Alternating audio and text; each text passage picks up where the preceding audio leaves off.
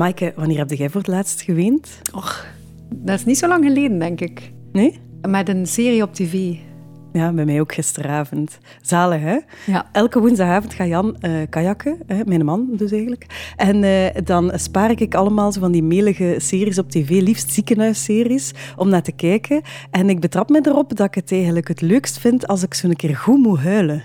En dat ik daar eigenlijk naar op zoek ben. Zo van die verhalen met veel leed of zo. Oh, ik snap dat helemaal. Ik heb dat met een boek ook, dat ik dan oh, ja. ongelooflijk kan schrijven met een boek. En dan zegt mijn man, maar meisje toch? En dan zeg ik, het is zo gloed, dat is zo deugd. Ja, dat en dan, echt en dan is dat jammer dat dat gedaan is in een boek. Hè? Ja.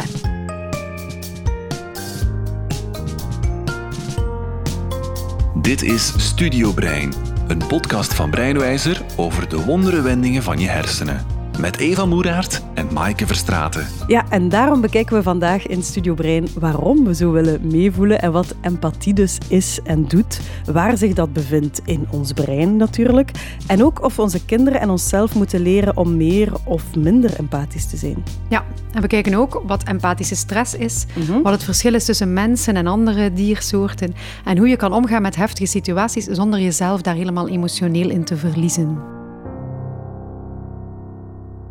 Ja, dit is een aflevering waarvoor we weer heel wat interessante mensen hebben gehoord. En waar we zelf ook wel veel uh, door bijgeleerd hebben. Hè? Maar laten we beginnen bij het allerbegin, Maaike. Kan je mij vertellen, wat is empathie juist? Je kan het eh, concept empathie op verschillende manieren definiëren. En het begrip wordt ook anders bekeken vanuit de psychologie of de biologie of de filosofie. Mhm. Maar in deze aflevering gaan we het hebben over het vermogen van mensen om zich in te leven in wat iemand anders voelt of doet. En hoe zich dat precies afspeelt in het brein of hoe dat precies werkt, dat is zelfs in de wetenschap nog een beetje een raadsel. Ik ben er alvast over gaan praten met professor Rudy Doge, die is prof in de biologische psychologie aan de KU Leuven. Het is bijna een, een, vaardigheid die, uh, die niet te definiëren is. Hè? We begrijpen het nog niet helemaal goed. Nee, omdat het natuurlijk ook iets heel mysterieus heeft. Hè? De manier waarop wij uh, beginnen meewenen met een andere persoon. Enerzijds. En anderzijds soms door op de juiste manier aanwezig te zijn, juiste dingen te zeggen, of zelfs soms niks te zeggen, iemand steun kunnen geven. Hè? Vanuit dat gevoel van empathie heeft toch iets bijzonder uh, mysterieus altijd. Hè? Ja, en ik ben ook weer iemand gaan interviewen die daar heel veel mee te maken heeft. En dat is Karin, dat is een vrouw, eind de 50. En ze werkt als begeleidster van gezinnen in de bijzondere jeugdzorg. Ik ging haar opzoeken op kantoor in het Groot Begijnhof van Gent. Hallo. Hallo. Mag ik mijn fiets hier binnen zetten? Ja, ja. We kunnen hem misschien best hier achter het hoekje zetten. Hij staat dan veilig. Oké. Dan kunnen we... Trap niet op de vijgen, want anders gaat het uitslieren. Dus, uh... voilà. Ik heb slavistiek gestudeerd vroeger. Ik heb... Uh, dan heel lang, eigenlijk tot mijn 32e, allemaal verschillende jobjes gedaan. Veel horeca, een beetje verkoop. Ik heb een snackbar gehad. Ik heb zo een beetje van alles en nog wat. En op mijn uh, 32e was dat wel zo'n beetje genoeg geweest, omdat ik elke keer na anderhalf jaar of twee jaar iets had van... ik heb het hier wel gezien. Zo. Oh, vervelend dat ik meer doe. Oh, ik wil zo een keer iets waar ik kan in doorgroeien.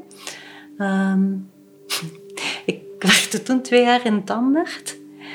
Uh, en ik had toen iets van... Oh, er is hier wel iets aan lijden bij mensen.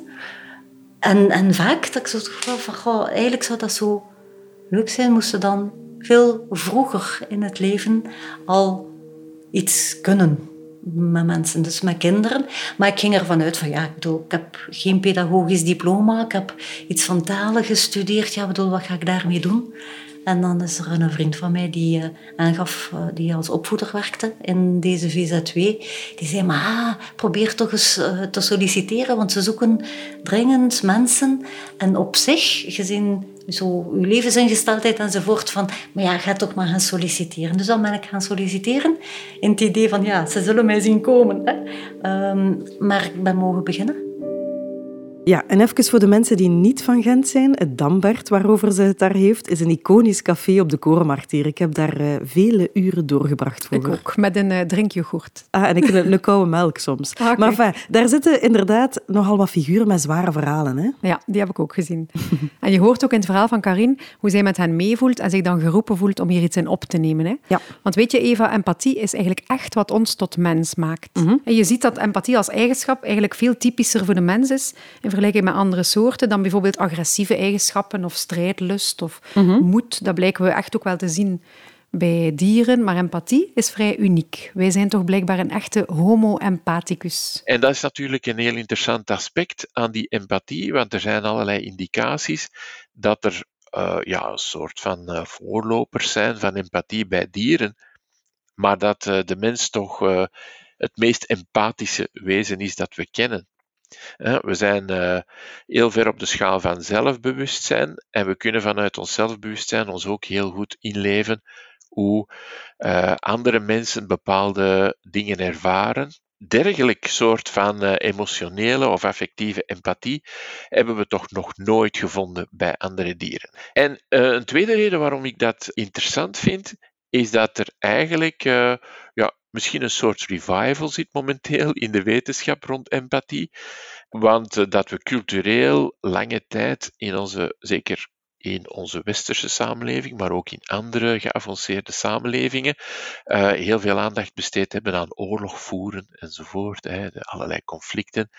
Maar in essentie, als we de mens dan proberen te karakteriseren, zijn we nu toch meer overtuigd dat het niet de, uh, de killing ape is, maar dat het toch eerder de empathische aap is dat de mens typeert. Oké, okay, ik snap het. De evolutie heeft eigenlijk die empathie, dat kenmerk van ons, uitgeselecteerd hè, bij de mens.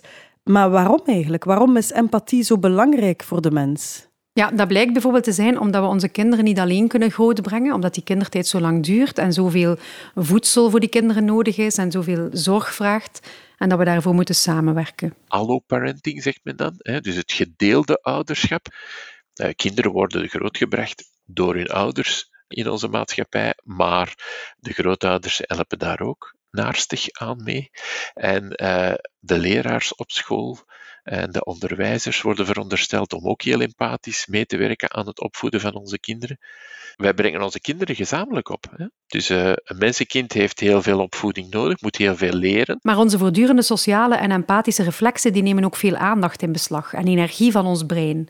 En dat maakt ons eigenlijk ook vaak minder efficiënt dan andere dieren. Dat vertelde ook professor Doge. Zijn zo'n filmpjes ook getoond van een Japanse onderzoeksgroep die chimpansees een taak laat oplossen op een touchscreen, hè, waarbij uh, cijfers zo van, uh, van hoog naar laag moeten aangeraakt worden en die komen willekeurig op dat scherm. En ze kunnen dus een chimpansee inderdaad, die verstaat die cijfers misschien niet helemaal, maar ze kunnen toch leren om die van uh, 10 tot 1 uh, naar beneden, die cijfers op te zoeken op dat scherm en dan zo achter elkaar aan te raken. En een chimpansee kan dat ongelooflijk veel sneller dan een mens dat ooit kan omdat dan natuurlijk al dat soort. Wij zitten ons dan te denken van. Oei, ik ben hier slecht bezig. Hè? We worden dan emotioneel. En van. Uh, ja, zouden we nu wel goed genoeg bezig zijn voor die, voor die, die dame die daar staat te kijken op mij?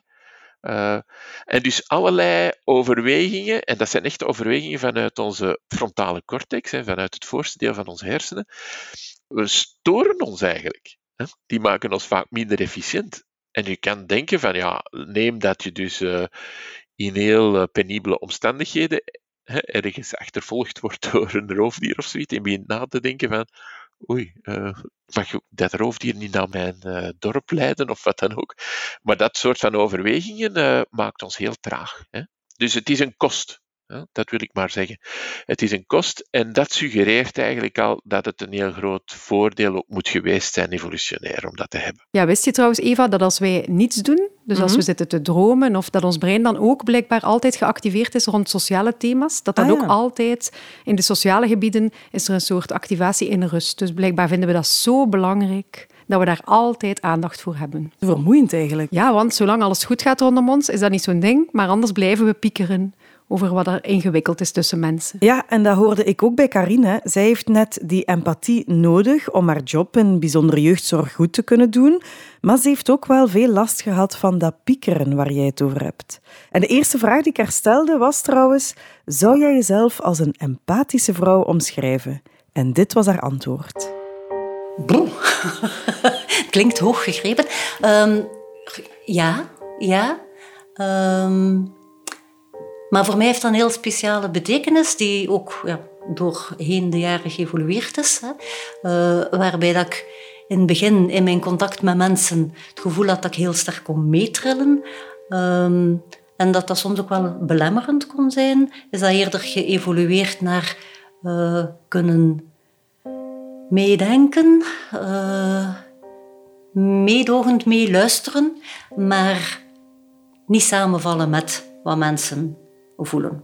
Ik denk dat dat in grote lijnen wat evolutie is. Ja, en wat Karine eigenlijk zegt, Maaike, is dat ze net door te veel aan empathie niet meer zo goed functioneerde in haar job. Wel, ik denk tekenen van burn-out, dat dat zeker zo was.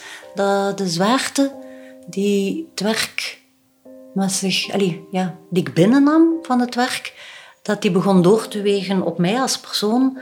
Um, dat ik ook mijn hard werk begon te slepen. Ik denk dat een groot deel van de zwaarte ook wel te maken had met een idee van ik moet helpen. Eerlijker misschien van ik wil helpen. Hè? Uh, en ik wil helpen wil zeggen van ik moet hier zorgen dat dat wel een positiever verhaal wordt. Maar soms niet direct zien van hoe ik dat moet doen. Um, en een soort misplaatste verantwoordelijkheid. Ja. Een soort reddertjesgevoel. van ik ben daar, ik ga, ik ga de boel mee oplossen. Ehm, en als je dan teruggeworpen wordt op, maar misschien, misschien is er niet direct een grote oplossing. Misschien gaan we maar met hele, hele, hele kleine stapjes. En, maar de vragen zijn vaak veel groter. En ik denk dat het willen helpen en ik het willen mee gaan oplossen, een sta je in de weg was. Ja, Eva. En dat is wat we dus empathische stress noemen en waar mhm. veel hulpverleners een burn-out door krijgen. Want door je automatische menselijke empathie worden dus als toeschouwer bij jou dezelfde gebieden in je brein geactiveerd, gebieden van pijn en lijden en verdriet, als bij, de, bij degene die het probleem heeft of die het echt werkelijk ervaart. En als je geen manier vindt om daar anders mee om te gaan, dan raak je eigenlijk uitgeput omdat je steeds dezelfde gevoelens voelt en worden mensen vaak cynisch of kwaad of afstandelijk, juist door die empathische stress. Man, man, man. Ik zou echt geen goede hulpverlener zijn, denk ik. Ik zou altijd meetrillen en meesnotteren. Ja, en ook Karin ondervond aan de lijve waar empathie haar eigenlijk een beetje in de weg stond in bepaalde situaties. Maar zij besloot het op een bepaald moment anders aan te pakken. Als je heel goed beseft, en ik denk dat ik dat ook geleerd heb, uh, ik kan het leven van iemand anders niet leven. Um, ik kan het niet overnemen. Maar ik kan wel nabij blijven. En ik kan wel van op een afstandje mee kijken en misschien mogelijkheden zien en die mogelijkheden aanreiken. En dan is het aan mensen om te zien, kunnen ze er iets mee, kunnen ze er niks mee? Kunnen ze het proberen en lukt het niet? Oké, dan is dat ook zo. Dan kunnen we misschien naar iets anders kijken. Maar ik denk dat dat, dat, dat gewoon de hele zoektocht is, uh, waar dat je die bewegingsruimte moet houden. Ik weet niet hoe bekend dat is, Eva, maar ik ben zelf hulpverlener. Ik ben mhm. psycholoog en coach. En ik train ook mensen die coachen of uh, uh, anderen willen ondersteunen. En ik zie wel vaak bij hen ook dat ervaring helpt. Je ah, kan dit soort omgaan met empathie en empathische stress niet zo leren uit een boekje of in een cursus of op de schoolbanken.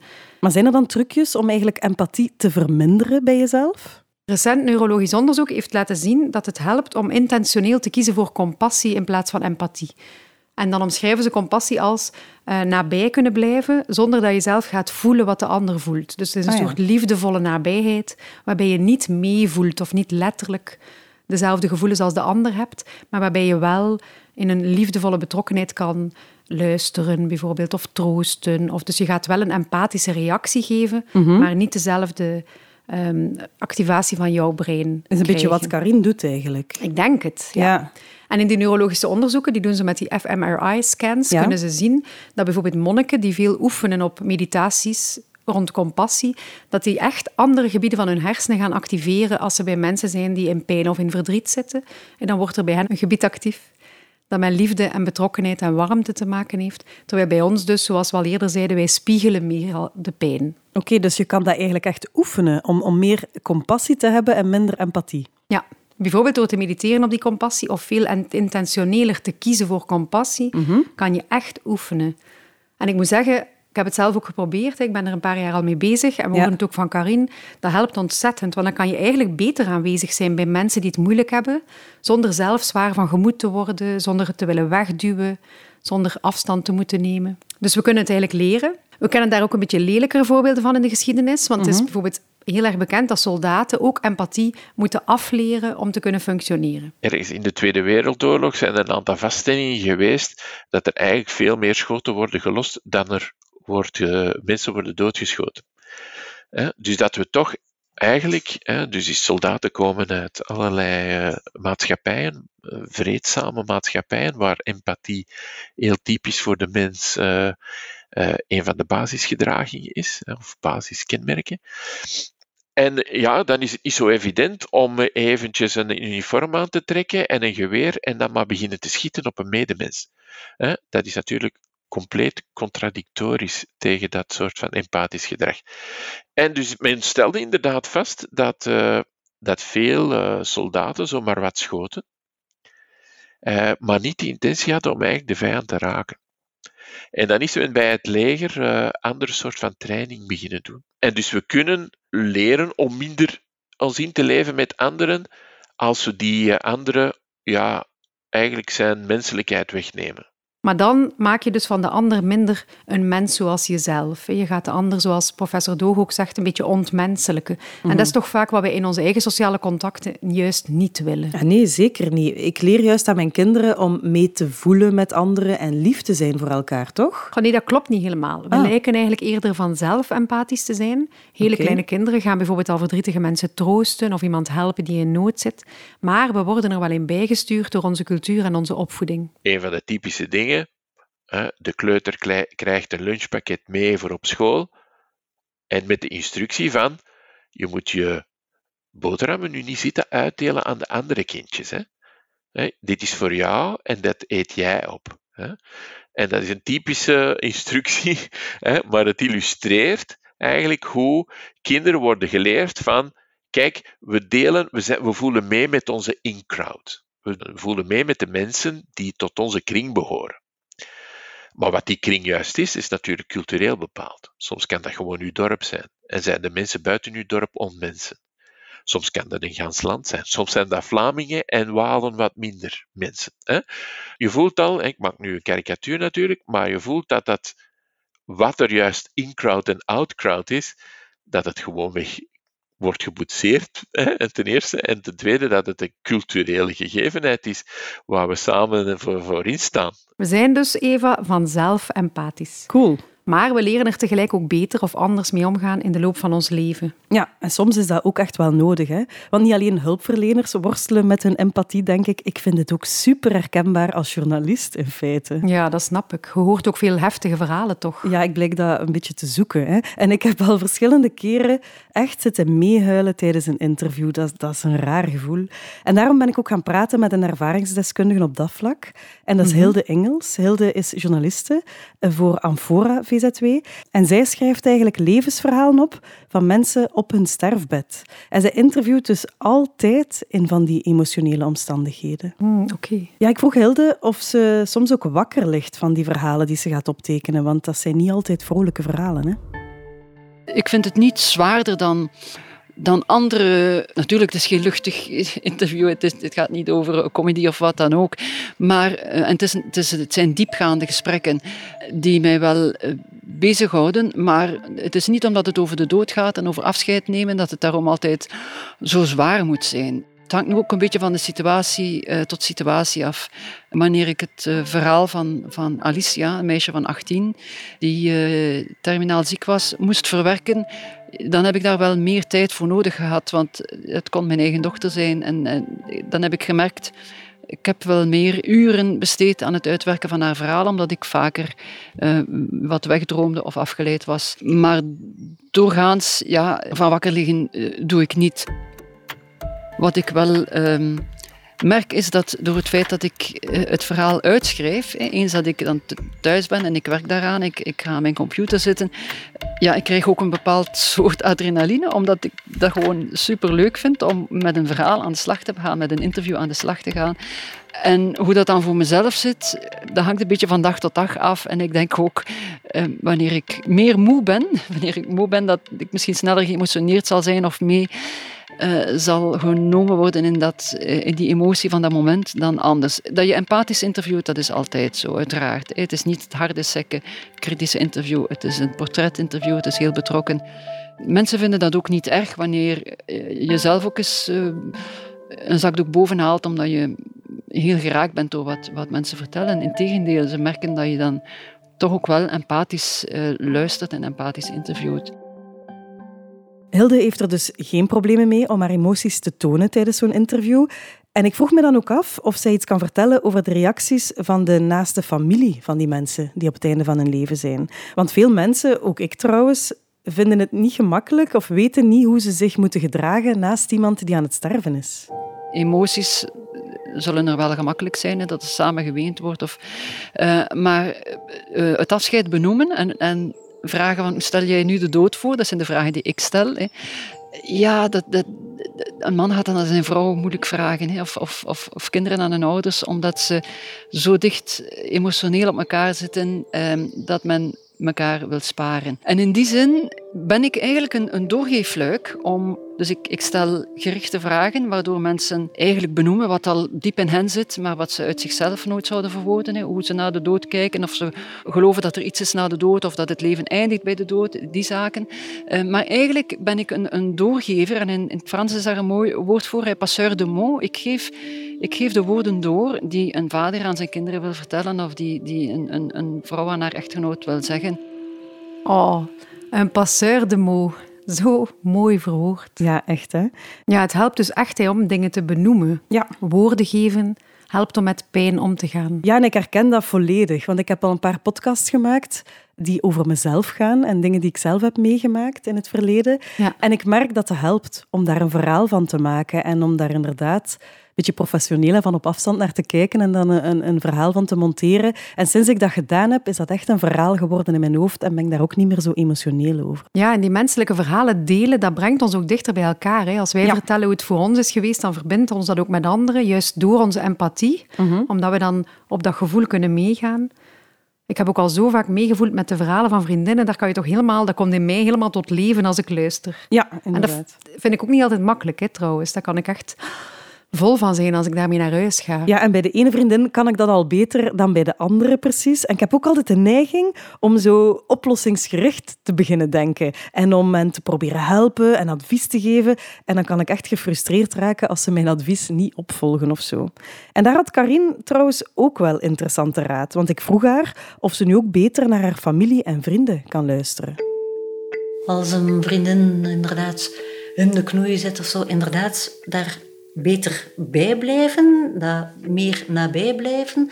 Dat, ik noem dat zo, dat, dat verhaal ook veel vollediger ontvangen dan, uh, dan vroeger. Ja? En, uh, en het is niet dat mijn levensvreugde gaat afpakken. Ik kan daar vreselijk mee inzitten. Hè. Allee, dat, dat kan, ik vind dat erg als ik zie dat mensen het lastig hebben enzovoort. Maar het is niet dat ik dan verder voortkruip en oh, dat mijn leed geworden is. En dat is ook in mijn privé. Ja, ja. En dat is voor mij ook de redding geweest van, van mijn relatie, maar ook van veel vriendschappen. Waarbij dat ik vroeger eerder iets had van, oei, dit is zo zwaar, dit is zo lastig, omdat ik zo meetrilde en ding, dat ik er bijna van wegliep. Of dat ik ook letterlijk zei van, nu ga ik daar niet rap weer mee afspringen, want oh, mijn energie gaat daar weer en kan daar niet tegen. Terwijl dat ik daar nu beter nabij kan blijven en dan toch het niet mijn leed kan maken. Ja, ja zeer zeker. Waarbij dat ik ook wel blijf vinden dat, dat je zelf ook mag begrenzen. Hè? Dat je op een gegeven moment als gevoeld van dit is hier echt voor mijzelf het moment niet. Um, want die zit er ook nog in. Maar ik denk zo dat ik mezelf ook liever ben gaan zien. doorheen de tijd. Kijk, dat is toch prachtig advies om mee af te sluiten, Eva. Zeker weten. We zetten trouwens alle links, extra informatie en podcast bij de show notes van deze aflevering. En die vind je op de website van Breinwijzer onder het tabblad Studio Brein. Ja, en vond jij deze aflevering als luisteraar ook zo leerrijk? Deel hem dan met je vrienden of op de sociale media, zodat er nog meer mensen hierdoor geïnspireerd worden. Ja, en schrijf daarna dan ook nog een recensie in je favoriete podcast-app, want alleen zo geraakt onze podcast wat wijder verspreid. En volgende week gaan we het hebben over het effect van natuur en in de natuur zijn op ons brein. En dan trekken we zelfs onze stapschoenen aan. Deze podcast wordt trouwens gemaakt door het Audio Atelier. Dat zijn Maaike, ik en Sander Lambrecht, onze geluidsexpert. Tot de volgende. Dag.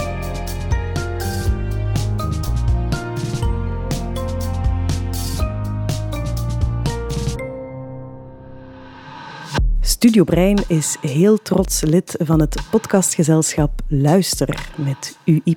Luister. Wil je nog meer goede podcasts horen? Surf dan zeker eens naar luister.be. Luister.